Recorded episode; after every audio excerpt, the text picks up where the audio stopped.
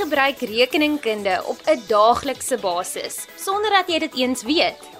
Om 'n begroting te skep deur na jou inkomste en uitgawes te kyk en seker te maak dat jy aan die einde van jou betaalperiode genoeg het om alles te dek.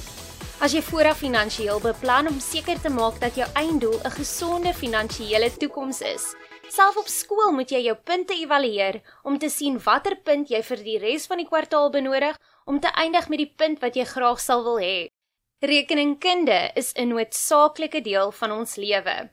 Goeienaand, ek is Marley van der Merwe en jy luister na Kompas op RSG. Vanaand maak ons seker dat jy nie 'n verlies in jou punte ly nie wanneer ek met Heloise Pretorius gesels. Eloise is 'n rekeningkunde onderwyseres van Langenhoven Gimnasium in Oudtshoorn en sy bespreek vanaand 'n paar belangrike aspekte wat ons matriekleerders sal help met die voorbereiding van hulle finale rekeningkunde eksamen. Presteer, leer en blink uit met Kompas. Goeienaand aan al die luisteraars daar buite en natuurlik 'n spesiale verwelkoming aan ons matrikulante wat ingeskakel het. Baie dankie ook aan RSG vir hierdie ongelooflike geleentheid wat julle vir my bied om so 'n bietjie meer te gesels oor een van my groot passies in die lewe. En dis nou natuurlik rekeningkunde. So ietsie meer oor myself. Ek is baie bevoorreg om in die hartjie van die Klein Karoo, naamlik Oudtshoorn te kan bly en ek is ook al vir die afgelope 5 jare opvoeder by die uitnemende skool Langehoven Gimnasium. Ek is regtig absoluut versot op my vakgebied en is so dankbaar dat ek elke liewe dag die kans kry om hierdie passie met jong mense te kan deel en dit te kan aanwakker by hulle. Een van my vorige matriekleerders het die volgende gesê: Juffrou Pretorius eet, leef en slaap rekeningkunde. En dit is inderdaad die waarheid. Heloise, welkom op Kompas. Dis baie lekker om vanaand met jou te gesels en ons matrikulante te help met hul rekeningkunde voorbereiding. So, watter onderwerpe en inhoud moet deur die rekeningkunde leerders bestudeer word? Soos dit ingesit in die kurrikulum assesseringsbeleidsverklaring of terwyl die KABV verrekeningkunde kan die inhoud en onderwerpe as volg uiteengesit word. So ons kyk na drie groter of breër kategorieë met dan natuurlik subonderwerpe. So die eerste een is finansiële rekeningkunde. Hy dra die grootste gewigstoedeling van so tussen 50 tot 60% en dit sluit onderwerpe in soos rekeningkundige konsepte, die rekenkundige vergelyking, jou ARP beginsels, dit staan vir algemene aanvaarde rekenkundige praktyk, ehm um, finale rekeningkunde in die grootboeke, ons finansiële state, salarisse en lone, belasting op toegevoegde waarde en natuurlik rekonsiliasies. So die tweede hoofkategorie sou ek sê is bestuursrekeningkunde, dra kleiner gewig van so tussen 20 tot 25% en dit sluit in koste rekeningkunde, ons produk van vervaardiging en ehm um, begrotings. Dan die laaste kategorie wat ons daar kan onderskei van is daar word klem gelê op die bestuur van ondernemings se hulpbronne. Weerens ook met 'n gewigstoedeling dan van 20 tot 25% en dit sluit in onderwerpe soos jou inheemse boekhoudstelsels, vaste bates, voorraad en natuurlik ook etiek en interne kontrolemaatreëls. Eloise, kan jy asseblief vir ons 'n kort uiteensetting van die eksamenvraestelle gee? Die nasionale senior sertifikaat eksamen vir rekeningkunde bestaan uit twee vraestelle wat let wel ook op verskillende datums afgelê word. Elkeen van die vraestelle bestaan uit 150 punte en dit moet binne 2 ure voltooi word. Die aantal vrae per vraestel sou ek sê wissel normaalweg van so 3 tot 5 vrae en daar is geen voorgeskrewe regulasies vir die aantal punte wat vir elke vraag toegeken moet word nie. Aangesien die effektiewe gebruik van tyd regtig 'n kardinale deel vorm van rekeningkunde as vak, is dit baie belangrik om te let daarop dat elke vraag voorsien word van sy eie tydstoedeling om sodoende leerders te bemagtig om die vraestel binne die gegeewe 2 ure te kan voltooi. Beide vraestelle bevat ook 20% van die inhoud wat reeds in vorige grade behandel afgehandel is en dit word dan vereis dat graad 12 leerders hierdie kennis moet kan toepas op diensooreenkomstige onderwerpe in graad 12. So plus minus 10 tot 15% van elkeen van die vraestelle bestaan uit jou probleemoplossingstipe vrae. Dit verg ook dat leerders vanuit onbekende inhoud hulle totale rekeningkunde kennis op kritiese en kreatiewe wyse moet kan gebruik en kan weergee. En laastens, gelukkig is alles nie rondom die twee eksamens moeilik nie. Elkeen van die vraestelle se onderskeie vrae bevat subafdelings wat die verskillende aanvaarde moeilikheidsgrade toepas. Byvoorbeeld, met beide vraestelle sal 30% van die inhoud wat getoets word jou makliker tipe vrae wees, 40% sal matig wees en slegs 30% fokus op jou hoë orde, oftewel moeilike vrae. Dankie dan ook vir daardie inligting Eloise. Kan jy asseblief vir ons 'n uitleg van vraestel 1 verskaf? In 'n netedop kan matrikulante die volgende onder andere te wagte wees in vraestel 1 wat handel oor finansiële verslagdoening en evaluering. Eerstens sal daar kort vrae oor jou begrippe rakende maatskappye, ARP en IFRS beginsels wees. Tweedens, en dit sal heel waarskynlik die grootste afdeling wees, is finansiële state. Dit kan insluit jaareinde aansuiwerings, die inkomste staat, balansstaat en natuurlik ook jou notas tot die finansiële state. Derdens is daar die kontantvloei staat, berekeninge en kommentaarlewering daarop en dan volgende het ons ontleding en vertolking wat gewoonlik ook 'n groot afdeling is met baie inligting wat vir leerders deurgegee word. Dit sluit in die berekening van sekere finansiële aanwysers as persentasies of verhoudings en natuurlik ook die kommentaarlewering op aanwysers wat aan leerders voorsien word. Die laaste afdeling gewoonlik behels korporatiewe bestuur, etiese optrede en auditverslae. Dit kan 'n klomp onderwerpe insluit en hierdie afdeling alhoewel dit gewoonlik die kleinste is, verg dikwels dat leerders bietjie meer oopkop en wyd moet kan dink en hulle totale rekeningkundige kennis moet kan toepas. Dit sluit in wat behels goeie korporatiewe bestuur, die verskillende rolle van die komitees en tipes direkteure in 'n maatskappy, sowel as ook die rolle van interne en jou onafhanklike ouditeure, die soorte ouditverslae en natuurlik ook die effek daarvan op maatskappye en nog vele meer. Baie dankie Eloise. Kan jy asseblief vir ons 'n uitleg van vraestel 2 verskaf? Vraestel 2 aan die ander kant fokus op bestuursrekeningkunde, interne audit en beheer. Dit word beslis deur die meerderheid leerders geag as die makliker vraestel. Onderwerpe wat jy hier te wagte kan wees is eerstens rekonsiliasies en dit kan wees met betrekking tot die bank, debiteure en krediteure van 'n onderneming. Tweedens, belasting op toegevoegde waarde, berekeninge wat verband hou met inset en uitsetbelasting en dan natuurlik ook op die eind die bedrag wat betaalbaar is aan of hopelik ontvangbaar vanaf die SAID. Derdens, vaste bates. Die hantering van waardevermindering, opgehoopte waardevermindering, is daar 'n bate verkoop gedurende die finansiële jaar en op die einde is daar 'n wins of 'n verlies gerealiseer met hierdie verkoop. Die volgende onderwerp is sekerlik een van die grootste onderwerpe in vraestel 2, naamlik vervaardiging of koste-rekeningkunde, en dit kan insluit die voltooiing van 'n produksiekoste staat, sy notas, 'n verkorte inkomste staat en baie belangrik, die berekeninge en kommentaarlewering op die gelykbreekpunt en eenheidskostes. Volgens aan die beurt het ons voorraadwaardasie. Dit verwys na die waardasie van eindvoorraad in 'n periodieke voorraadstelsel deur gebruik te maak van drie verskillende metodes. Nou hierdie metodes is jou spesifieke identifikasie, eerste in eerste uit of die geweegde gemiddelde metode. Nog vrae wat gewild is by voorraadwaardasie is natuurlik die berekening van vermiste of gesteelde items, berekening van koste van verkope, jou bruto wins op die ou end of hulle vra ook graag dis een of twee finansiële aanwysers wat betrekking het op vraestel 2 en dit sal voorkom by voorraadwaardasie. Volgende eenheid wat ook groot is by vraestel 2 is jou kontantbegrotings en geprojekteerde inkomste state. Nou dit is ongelooflik baie inligting wat weer deurgegee word aan die leerders. Dis baie leesvaart, so maak seker jy het 'n highlighter byderhand daar om daai belangrike en fyn detail vir jou te laat uitstaan. Vrae wat hier vorendag kan kom is natuurlik die berekening van uitgelate bedrae binne in 'n kontantbegroting, 'n persentasie toename of 'n persentasie afname, baie kommentaarlewering wat hier ook gedoen moet word en natuurlik ook terugwerkende berekening. So hulle kan byvoorbeeld vir jou 'n rentebedrag binne in 'n kontantbegroting gee en jy gaan moet terugwerk om die kapitaalbedrag van die lening te kan uitwerk. Nog 'n paar algemene um, vrae wat vorendag kom by vraestel 2 is natuurlik die toepassing van jou aardbeginsels. Iets wat altyd en amper by elke afdeling voorkom, is probleemidentifisering en raadgewing deur middel van toepaslike kontrolemaatreëls by elkeen van hierdie onderwerpe te kan toepas. So hulle kan byvoorbeeld um, vir jou 'n vraag vra oor voorraad wat vermis is en um, jy gaan dan moet kan identifiseer daar's voorraad vermis. Noem altyd die syfers wat vir jou deurgegee word en dan gaan jy 'n voorstel moet maak oor hoe kan ons hierdie probleem in die toekoms uit die weg uitruim. 'n Voorbeeld van 'n antwoord kan dan wees die verdeling van verpligtinge. Ehm um, die persoon wat die voorraad bestel moet nie ook die persoon wees wat die voorraad ontvang nie of deur middel van liekrake voorraadtellings wat ons vergelyk met ons boekhouding. Dan Laastens by hierdie vraestel 2 is natuurlik etiese gedrag in die finansiële omgewing.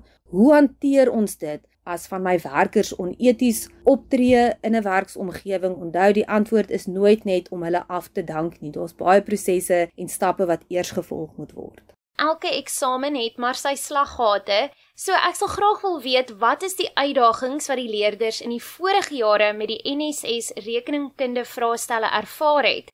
En sal jy ook asseblief vir die leerders verduidelik hoe hulle hierdie vrae moet benader? Met verwysing na beide vraestelle sou ek sê die grootste uitdaging vir rekeningkunde leerders bly steeds die tydfaktor. En in my opinie behoort hierdie eintlik glad nie meer 'n kwessie te wees nie, aangesien die leerders vanaf die verdeling van 1 na 2 vraestelle eintlik meer tyd tot hulle beskikking het. Maar dien jy 'n leerder is wat steeds sukkel om betyds klaar te maak, sou my voorstel die volgende wees: Tydens jou voorbereiding vir die opkomende eksamens, maak gebruik van 'n stophorlosie. Elke liewe keer wat jy 'n vraestel vraag begin, skryf die huidige tyd bo aan neer, kyk na die tydstoedeling, begin die tyd op die horlosie en jy sit jou pen neer sodra die tyd verby is. Belangriker nog, dwing jouself nou om aan te gaan met die volgende vraag en herhaal hierdie siklus. Ek beloof jou, na mate jy ingeoefen word met elke onderwerp, sal jy dit aanleer om by die gegeewe tydstoedeling te hou pas hierdie toe tot op die sekonde tydens die aflê van die eksamen. Moet nooit, maar nooit meer as die gegeewe tyd spandeer op 'n spesifieke vraag nie, want jy weet nooit, die volgende vraag kan dalk oor 'n onderwerp wees waarmee jy meer gemaklik is en dan kan jy bietjie tyd wen daarsel om weer te spandeer op 'n vraag wat jy nog nie heeltemal voltooi het nie. Een van my vorige graad 12 leerders het vanaf graad 10 gesukkel uh, met hierdie tydfaktor. In werklikheid het sy tydens die Junie eksamen een van die vraestelle bykans 30 punte nie voltooi nie. Sy het werklik waar moeite gedoen om hierdie voorstel van my ter harte te neem tydens haar derde kwartaal en ek kan regtig met trots sê dat sy beide haar rekord eksamen vraestelle en haar eindeksamen vraestelle met gemak en betyds voltooi het. Leerders vaar jaarliks vreemd genoeg nie so goed in die kontantvloeistaat afdeling van vraestel 1 nie. En ek sê vreemd want dit is eintlik heel waarskynlik een van die makliker onderwerpe van vraestel 1. So eerstens die grootste guns wat jy jouself kan doen is om genoeg tyd te spandeer aan die formaat van die kontantvloeistaat sowel as sy notas. Onthou as jy nie 'n formaat leer nie, maak nie saak hoe goed jy berekeninge kan voltooi nie. Jy gaan dit nie op die korrekte plek kan voltooi nie. Wat graag gevra word, maar onthou dit is nie beperk tot hierdie nie, is definitief nota nommer 1, kontant gegenereer uit die maatskappy se bedryfsaktiwiteite, so die normale verloop van 'n maatskappy se bedrywighede. Die aankoop van bates is veral belangrik. Hierdie is 6 punte in jou sak, so maak seker jy ken dit en jy kan dit toepas. Definitief die berekening van dividende en inkomstebelasting betaal, afname of toename in die lenings of beleggings van 'n maatskappy en natuurlik die netto verandering in die maatskappy se kontant. Dit is waaroor die kontantvloeistaat gaan. Dan is dit belangrik dat leerders onthou dat ons nie hier werk met die toevallingsbeginsel wat ons toepas by finansiële state nie. Wat vir ons stel dat inkomste en uitgawes aangeteken moet word in die jaar wat dit verdien word en aangegaan word, nie wanneer dit ontvang of betaal is nie teenoorgestelde is hiervan toepassing. By die kontantvloeistaat teken ons bloot geld aan wat ingekom het en uitgegaan het in 'n spesifieke finansiële jaar. Onthou ook, 'n uitvloei van kontant word altyd met hakkies aangedui. Moenie daardie fout maak nie. Leerders is ook hier skrikkerig vir kommentaar lewering. Ehm um, daar gaan vir jou gevra word um, iets in die lyn van lewer kommentaar op die besluite wat die direkteure gemaak het deur te verwys na die syfers in die kontantvloeistaat. Jy gaan bloot verwys na die grootste syfers wat jy sien in die kontantvloeistaat. Sommige net 'n voorbeeld, die direkteur het besluit om die addisionele aandele ter waarde van 3.5 miljoen rand uit te reik en die geld wat hieruit verkry is, is aangewend om nuwe bates van 2.5 miljoen te bekom, wat daarop dui dat die direkteur gefokus is daarop om die maatskappy uit te brei. Nog 'n onderwerp vanuit Vraestel 1 wat menigte kopseere veroorsaak, is die ontleding en vertolking van finansiële state. So dis 'n tweeledige onderwerp wat eerstens fokus op die berekeninge van sekere persentasies en verhoudings. Wat lekker is van die onderwerp is die feit dat jy word voorsien van 'n volledige formuleblad aan die agterkant van jou vraestel. Dit beteken egter niks as jy jou nie vooraf vertroud maak met die inhoud van hierdie formuleblad nie.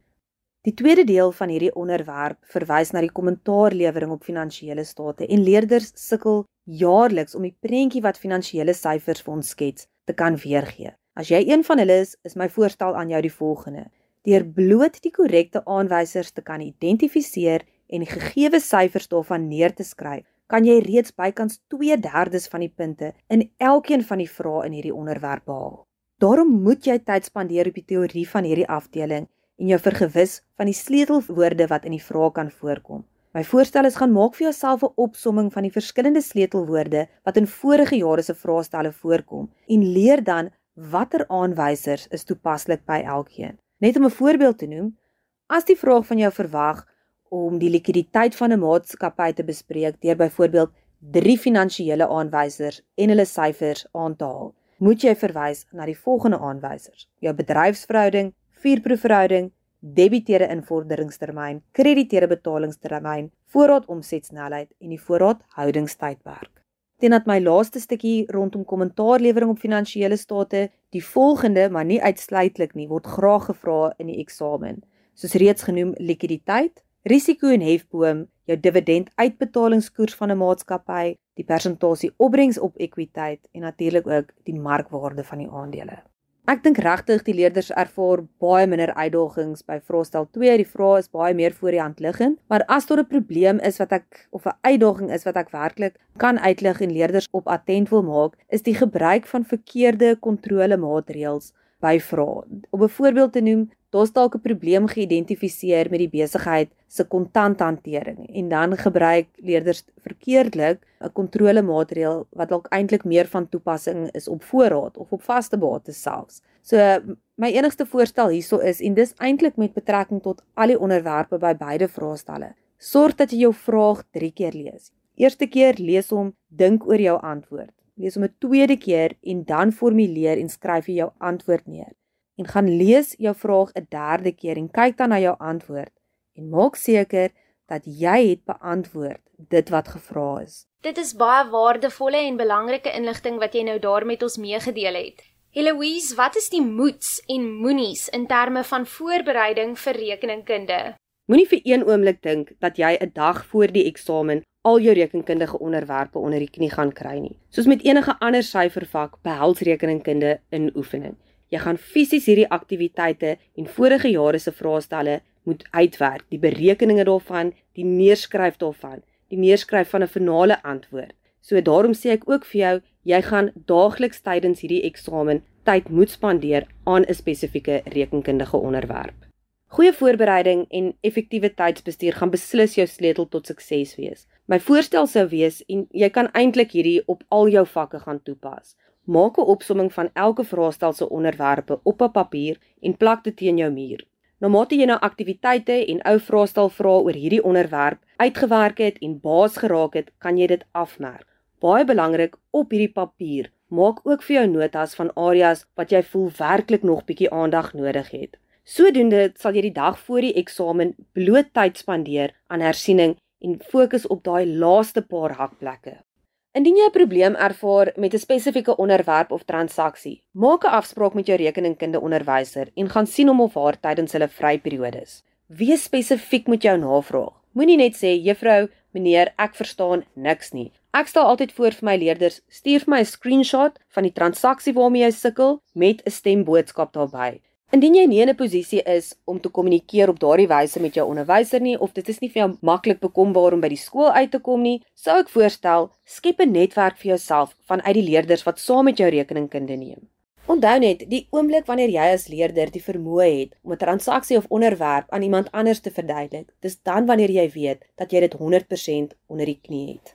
Nog 'n baie belangrike moet vir jou rekeningkunde voorbereiding is natuurlik die uitwerk van vorige nasionale senior sertifikaat en provinsiale vraestelle. Maar voordat jy dit doen, moet jy eers enige en alle toepaslike formate onder die knie kry. Ek kan hierdie nie genoeg beklemtoon nie. En soos ek reeds van tevore genoem het met betrekking tot die kontantvloeistaat, dit baat jou niks dat jy al die aansuiwerings ten volle kan uitwerk, maar jy weet nie waar om dit op jou antwoordblad te voltooi nie. Dan gaan jy geen maar geen punte kan verdien nie. Watter hulpbronne sal jy aan die leerders voorstel vir hul voorbereiding van die rekeningkunde vraestelle? So ek gaan slegs fokus op een van die miljoene hulpbronne wat beskikbaar is vir ons leerders. En die rede daarvoor is, in my opinie, is hierdie hulpbron die nommer 1 hulpbron. En dis nou natuurlik die Wes-Kaapse Onderwysdepartement se 2020 en 2022 studiepakkette. Dit bevat meer as genoeg somme aktiwiteite oor elkeen van die onderwerpe van beide vraestelle. Tweedens, 'n briljante opsomming word aan die begin van elke onderwerp voorsien. En dit sluit in die belangrikste begrippe, voorsien voorbeelde van die betrokke formate en dui aan watter aard beginsels, interne kontrolemaatreëls en finansiële aanwysers is van toepassing op hierdie spesifieke onderwerp.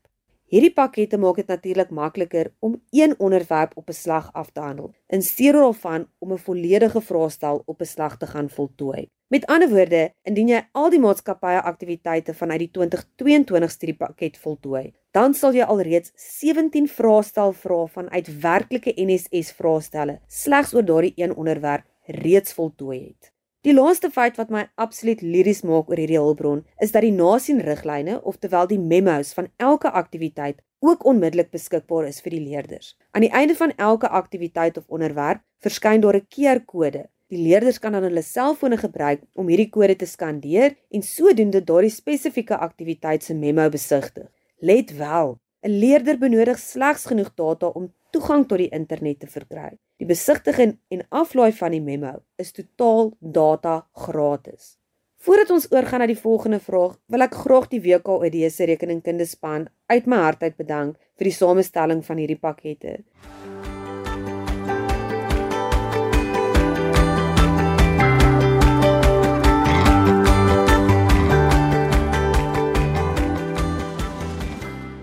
Jy luister na Kompas op RSG en jy kuier saam met my, Marley van der Merwe. Vanaand help Heloise Pretorius, rekeningkunde onderwyseres van Langehoven Gimnasium in Oudtshoorn, die matriek rekeningkunde leerders om goed voorberei te wees vir die finale rekeningkunde eksamen. Ons gebruik rekeningkunde op 'n daaglikse basis sonder dat ons dit eens weet deur ons uitgawes te begroot en te bestuur, finansiëel te beplan vir ons toekoms en selfs op skool wanneer jy jou punte evalueer. Op watter manier gebruik jy rekeningkunde op 'n daaglikse basis? Ek sal graag van jou wil hoor. Gesels gerus saam op die SMS lyn 45889 teen R1.50. Terug by vanaand se onderwerp. Eloise deel algemene raad en wenke met die graad 12 rekeningkunde leerders.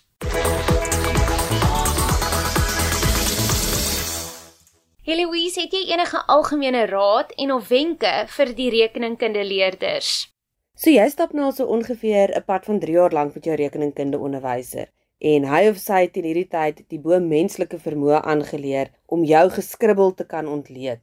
Maar onthou net, aan die einde van hierdie jaar met hierdie nasionale senior sertifikaat eindeksamen, is dit nie jou onderwyser wat gaan merk nie. En daarom is dit so ontsettend belangrik dat jy moet netjies werk. Skryf leesbaar, toon alle berekeninge om deelpunte en metodepunte te kan verdien. En nog belangriker, toon jou berekeninge op 'n logiese wyse. Net 'n vriendelike herinnering. Onthou tog asseblief dat alle finansiële aanwysers altyd tot slegs 1 desimaal afgerond word. En so gepraat van finansiële aanwysers, maak tog asseblief seker dat jy hierdie aanwysers ook terugwerkend kan gebruik om sekere bedrae wat uitgelaat word in die finansiële state te kan bereken. Volg asseblief tog ook die instruksies van die onderskeie vrae. Byvoorbeeld, sommige van die vrae gaan vereis dat jy 'n plus of 'n minus teken moet aandui voor jou finale antwoord op die antwoordblad. En mense ons sien dit regtig jaar in en jaar uit dat leerders vergeet van die plus en minus teken. Vir my asseblief ten alle koste om enige vrae en spasies oop te laat. 1 punt is immers beter as geen punt. So my voorstel sou wees, haal op daai oomblik lekker diep asem vat jou highlighter en gaan soek die sleutel en kernwoorde in daai vraag uit. En dan gaan jy die kennis wat jy die afgelope 3 jaar oor rekeningkunde, sowel as logika gebruik om wel iets by daardie vraag te gaan neerskryf. Eloise dan laastens, het jy enige finale woorde wat jy graag met die matrikulante van 2023 sou wou deel? Voordat ek die luisteraars vaarwel roep, gun my asseblief die geleentheid om 'n woordjie van dank teenoor ons vakadviseur, meneer Keenan Moses van die Eden Sentrale Karoo Opvoedersdistrik uit te spreek. Sy volgehoue harde werk, beskikbaarstelling van ekstra hulpbronne en ondersteuning van beide die opvoeders sowel as leerders is werklik noemenswaardig. En dan laastens, deel ek graag my klaslese spesiaal met die rekeningkunde matrikulante van 2023. Julle maak nie saak wat nie. Onthou #rekeslekker. Oor en uit.